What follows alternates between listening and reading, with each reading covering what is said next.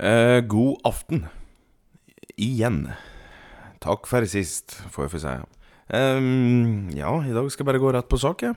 Tenkte jeg. Det er ikke noe vits i å sitte her og sløye og drøye noe som helst tid, så jeg tenkte at i dag skal jeg bare begynne rett på dagens fortelling om eh, Vilde Natalie Himmelvåg, som da var født i Krakadalen i 1601. Foreldrene hennes det var eh, Gamle-Geir og Svette-Ronja. Verken Gamle-Geir eller Svette-Ronja var jo særlig ryddige personer, egentlig. Alle visste, øh, alle visste jo det at på, Kvisttunet, der var det jo bare å gå rett forbi om du ikke ville bli sett i arbeid. For hun Svette-Ronja hun var jo et arbeidsgjeng uten like, og tok seg jo aldri fri. Og på grunn av all arbeidinga så svette hun så innmari mye. Og Svette-Ronja, hun Hun hadde jo vannskrekk. Så i løpet av hennes 43 år gamle liv så væsker hun seg jo aldri etter at hun da en gang i 13-årsalderen hadde holdt på å drukne under en badeferie eh, borte på Mjøsa. Eh, og Gamlegeir, han var jo ikke, var jo ikke særlig gammel. Eh, men han hadde kommet i eh, krangel med ei kråke.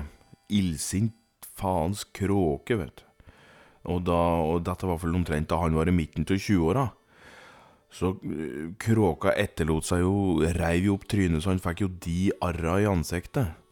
Og det gjorde at Gamlegeir så litt, litt ut som en gammel gubbe, da, der han vandret eh, rundt om.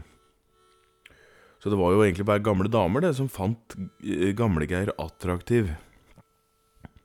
Og Svette-Ronja hun var det jo ingen gubbe i, i, i, verden som ville gå bortåt.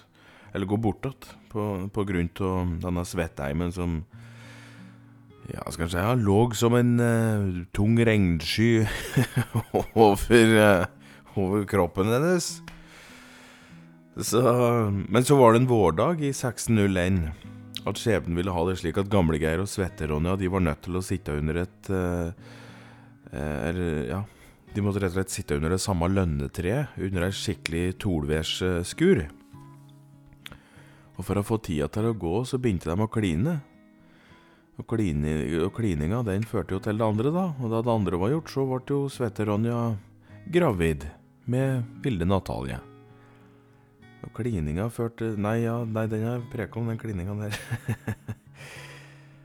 så Nei, og når jula da i 1601 eh, nærmer seg i Krakadalen, så kom jo da den største julepresangen Svette-Ronny og Gamle-Geir noen gang hadde fått. Du vet at det kom ei frisk og god jente. Hun vog, hun vog 3668 gram.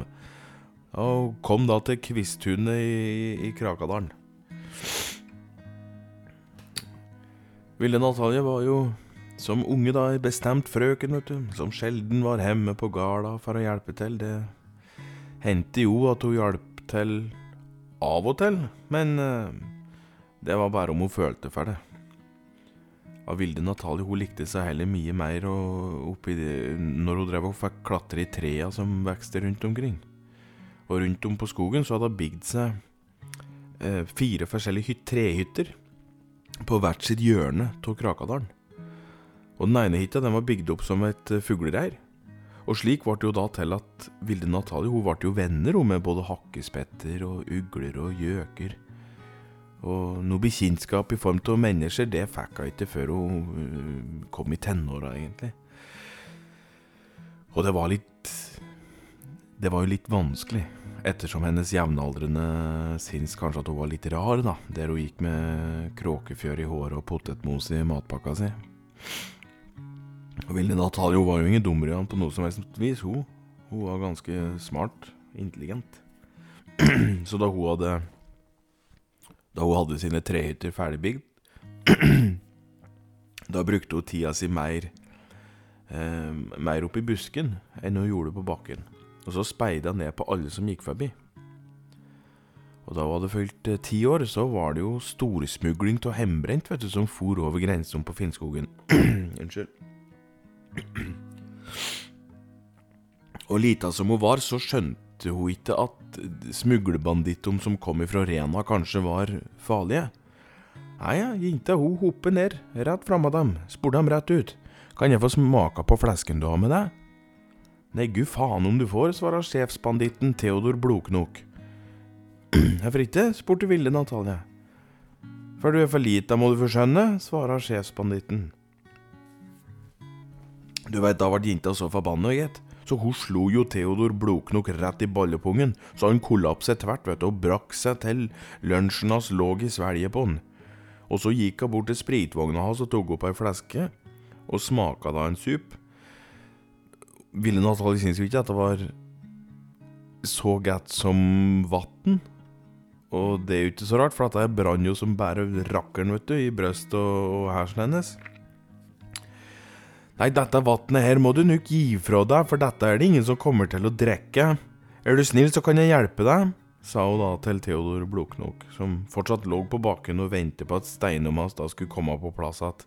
De hadde jo svølget langt bak i navlen, dem nå sikkert, jeg vet ikke. Hjelpe meg, du din lille dassblomme, du må da skjønne at dette ikke er vann, svarer han. Nå holder du kjeften din og kaller ikke meg dassblomme en gang til sa Ville Natalia, og så sperka sjefsbanditten rett i ballen en gang til, gitt. Og fy faen, da begynte Theodor Blodknok å grine, vet du. Han, eh, og da fikk jo Ville Natalie dårlig samvittighet. Så hun ba jo pent om unnskyldning og sa da at hun kunne hjelpe ham gratis hvis han var så snill og holdt fred. Theodor reiste seg opp etter en halvtimes tid og tørket da sine tårer og sa at hun kunne få hjelpe han med å få sædd spriten hans, men da måtte hun ha Eller hun måtte da ta ei krone flaska og tre kroner om noen skulle ha to. Og dette husker jenta på. Tok med seg ei kerg med sprit, opp, eh, og den tok hun med da opp i den hytta som lå nærmest fattigstua. Og da var det en av de svarteste vinternettene som var den vinteren, at det da kom gående en ensom gubbe da, som hadde havnet på fattigstua. For han hadde jo spilt bort huset sitt i et slag med, med vriåtter. Så, og, og, og, han trasket da der denne kvelden, da, uvitende om at det satt ei ti år gammel jente og, og ferdig med på tuslinga hans. Og da han kom gående like under treet til uh, Vilde Natalie, så slapp hun jo ei fleske med sprit rett i huget på han, så han datt jo deis i bakken. Og gubben så jo ikke noe i merten, og redd ble han jo da han hørte det begynte å krabbe i kvister over der han lå. Ja, han tenkte jo at dette kunne jo kanskje være en koalabjørn eller noe.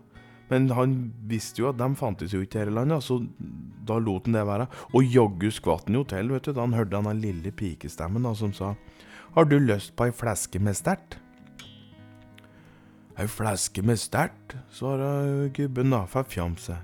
Ja, hvis du kjøper, så kan jeg spille en sang åt deg svarer ville Natalie da. Ja, jeg har inga kroner, jeg, sa gubben. Men da begynte jenta bare å le åt den. Nei, du har vel inga kroner i så sliten hatt som du har, men vi kan gjøre en avtale for det, sa jo hun da. Ja vel, hessen da? Jo, hvis du gir meg hatten og jakka di, så får du fleska. Men jakka er den eneste jakka jeg har, sa gubben. Ja, og den fleska er den eneste jeg har, sa jenta. Ja. Ja da så, sa gubben, og ga hatten og jakka si, og så fikk han en flaske brennevin som han tok med tilbake til fattigstua, og delte broderlig med de andre, da. Og ei uke etter dette her, da kom sjefsbanditten Theodor Blodknok tilbake igjen, med ei ny kerr med sprit. Samtidig som han skulle hente, hente penga, da, som Vilde Natalia hadde tjent. Men da han kom til avtalt møteplass, så så han ikke jenta. Man så en styrt kær med en sliten hatt og en altfor diger jakke. Hei, sa den stutte mannen. Morn, sa Theodor Blodknok. Hør kjeften din, sa den stutte mannen da til Theodor Bloknok store forbauselse. Sa du at jeg skulle holde kjeften min? spurte han. Har du mett øre mekken? svarte stutten. Nei, svarte Bloknok. Og da gikk den stutte gubben bort til sjefsbanditten og slo til den rett i spermposen gitt. så Theodor han kollapset tvert og brakk seg noe så ille. Du kommer herved hver uke med brennevin til meg, og så gir jeg deg ei tredjedel av det jeg tjener. Er det forstått? spurte stutten. Hæ? sa Theodor, og, og da sperker jo stutten til Theodor Blodknok rett på kjeften, så, så han kunne Altså, der kunne jo heller ha hett Theodor Blodsmak, faktisk. Kunne gjort. Um, har du mett øra i Mac? spurte stutten da. Og da forsto Theodor at hvis den ikke svarer riktig nå, da Da er det bare å nikke. Så det gjorde han. Han, han nikker. For han forsto dette her nå. Nå er det alvor. Så han nikker, og lovte at han da skulle komme hver uke med ei kær brennevin. Og med det så dro han eh, bare med ei tredjedel da, av det som var tjent. Og det var jo så klart ingen stuttkær som hadde truet til seg spriten. Det var jo så klart Vilde Natalie. Hun kledde seg ut, og hadde nå fikset det slik at hun solgte tre flasker i uka til tilfeldige kjøpere. Og så ga hun bort de resterende sju til de på fattigstua.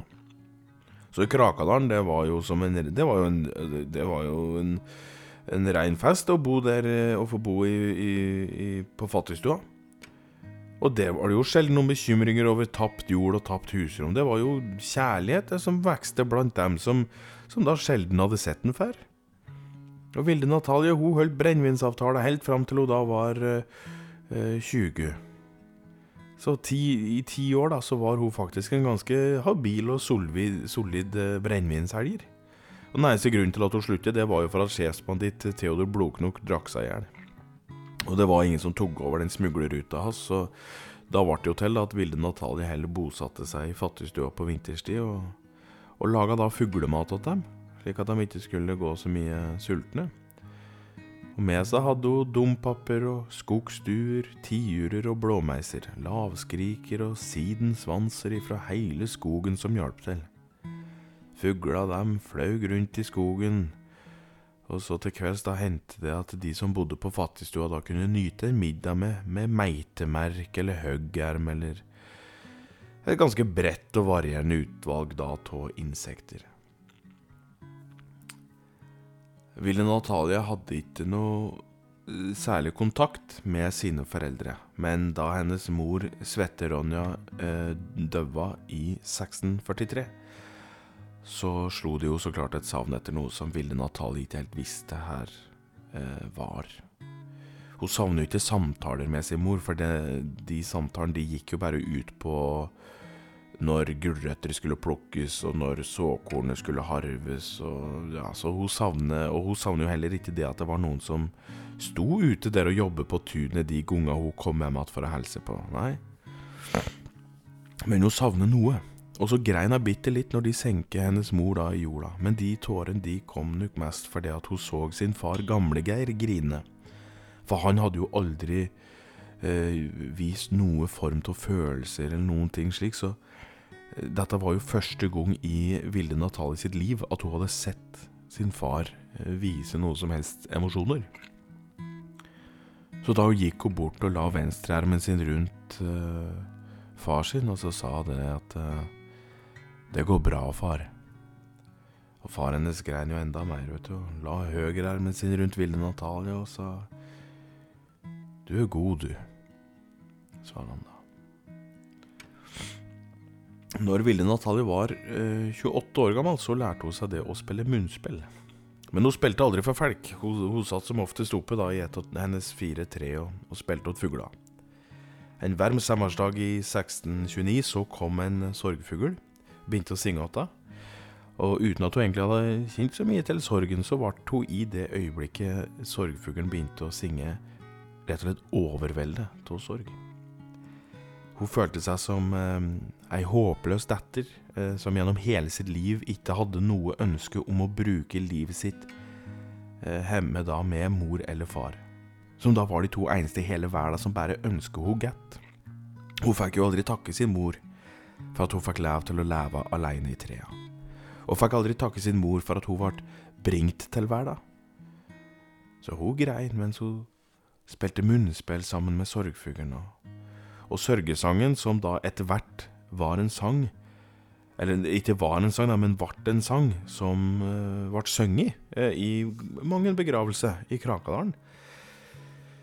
Det er vel ingen overraskelse hvis jeg sier til døde lyttere at den kan jeg. Den Eller Eller er det det? Så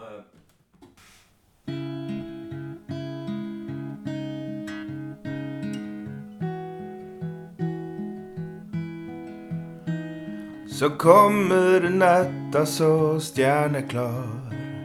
Jeg sier farvel til mor og til far. Og savnet hviler i hver tåre som fell, og mine kinn er skarpe som fjell. Mm.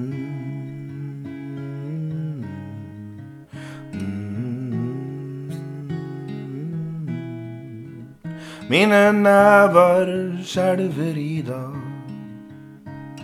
Og sola skinner, og sorgen er svak. Og savnet svir i hvert eneste sår. Tenk om du var her nå, slik du var i går.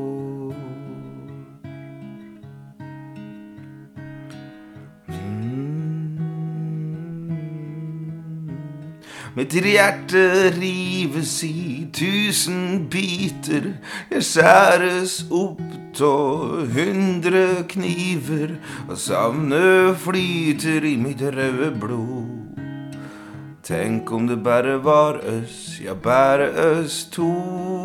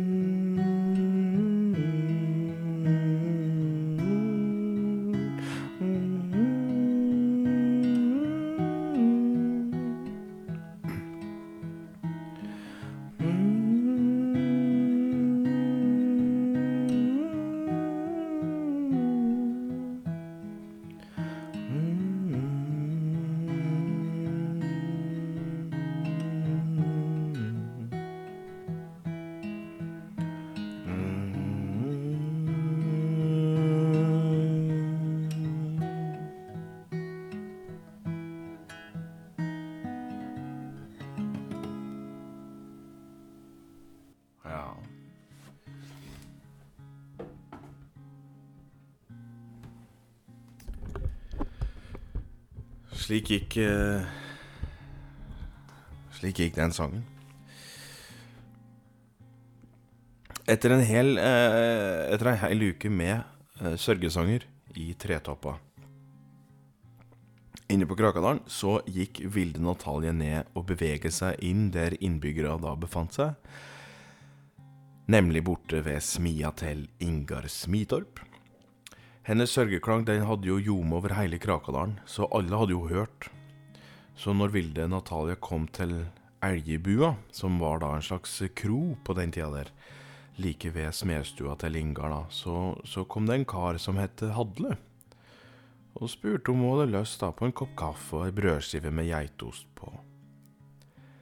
Og Vilde Natalia ble så glad, så hun hun sleit jo igjen med å holde tårene tilbake, for hun hadde jo, det var jo aldri noen som hadde spurt hun om hun hadde lyst på brødskive med geitost på. Så hun takket pent ja, og neie så vidt det var, før hun da satte seg ned. Og slik møttes Hadle og Vilde Natalie, da, som etter den dagen ble kjærester. Og det gikk som det gikk med, med hennes foreldre. De kline litt i solnedgangen, og så gjorde de det andre folk gjør, og jaggu ble ikke da Vilde Natalie med en lita unge, som hun skulle få da ni måneder seinere. Og jaggu ble ikke det ei lita jente på 6000 Nei ja, 3668 gram. Og hun, hun var jo heldigvis så frisk og god, da. Og jenta, det, hun fikk navnet Vipa. Eh, og det var etter favorittfuglearten til Vilde Natalie. Og Hadle var en trivelig kar ute, som drev elgbua på heltid. og Han var omsorgsfull og tjente nok da til å forsørge hele familien sin, slik at ville Natalie da kunne bruke så mye tid hun ville oppi trea, sammen med sine fuglevenner. Men det må, det må nok nevnes det at hun sov, nok, hun sov aldri mer oppi trea aleine. På sommeren da tok hun med seg Hadle og Vipa opp i trea, og så bodde de der. Og på vinteren så bodde de i bakhuset av elgbua, da, der Hadle bodde ifra før. Eller hadde bodd ifra før, da. Så ja, de levde et rolig og, og fredfullt liv. eh, Og, og, en dag i uka da, så inviterte de uh, fattigstua på middag. Og det, og det, gikk jo et slags uh, sagn rundt på Krakadalen i de åra som ferdig.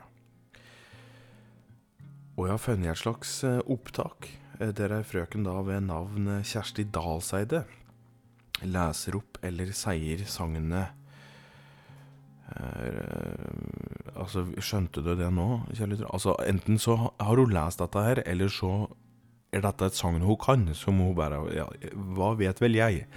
Sånn at eh, I hvert fall det er opptaket her da, at du skal få høre nå. Og det opptaket, det er vel gjort rundt Det tror jeg ble gjort i 1902-1907, kanskje. Det er et lite sprang der, virker det som. Så her har du i hvert fall Kjersti Dalseide og, som leser litt, da. Hun vandra rundt blant blomster og bær. Vandra langs stigen og høgt opp i treet. Hun tenkte på kjærleik som mann ga kvinne i ungdom. Hun funderte på vennskap blant unger som lekte i sommerlys i fjæra, og hun minte seg sjøl på at disse gikk sammen, som et kjærtegn i hvithåra truskap til døden skulle helse deg velkommen inn. Hun var en reinheit som vandra rundt på det fjerne fjells snø, vandra langs elva som rann med frihetens kraft, helste til den fattige som en frifødt mann lot han være i svarte augustfavn. Hun hadde kjærleik nok til dei bygd og dei svunnen tid. Med havødet i auget og styrken til et stormkast i kors i hand for hun rundt i Krakadalen og fant draumen, den som aldri ville dø. Hun fant sin mann, og de fikk sitt barn. Det første merket av hennes fotblad er klart og fast etter sjøens hvete. Det andre merket er fem små tær som flykta lett lik et pust mot steinen. Det tredje merket er ikke noe. Er bare svaberg og sol og heite. Er bare godvær og lys og lykke. Er bare sommerens eget merke. Det tredje fottrinn som ikke er. Hun lengta til toppene der det kunne høre sang. Av og til sang hun sine egne. De som vi alle kan høre når skogen byr på sin klang. Både kråke som tiur, lerke som spette. De flyr alle rundt med tunge hjerter. Av alle i hele denne verden av mangfold var hun den reineste av trygghet hjå de som hadde lagt på sprang. Jo alle hun traff med blod i blikket, tvang hun på deg den lille fredstrang. Og når hun falt til jorda i 1652, gret hele skogen tårer av det reineste blod.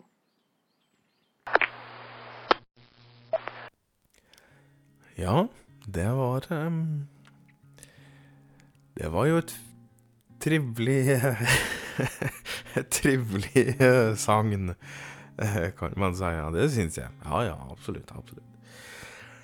Uh, på hennes fødselsdag i 1652, altså Vilde Natalies fødselsdag, så skjedde det dessverre ei ulykke. Og den skulle med, dra med seg da døden til følge, rett og slett. Hun, hun, skulle rett og slett opp og gi litt uh, kake til fuglelaget sitt.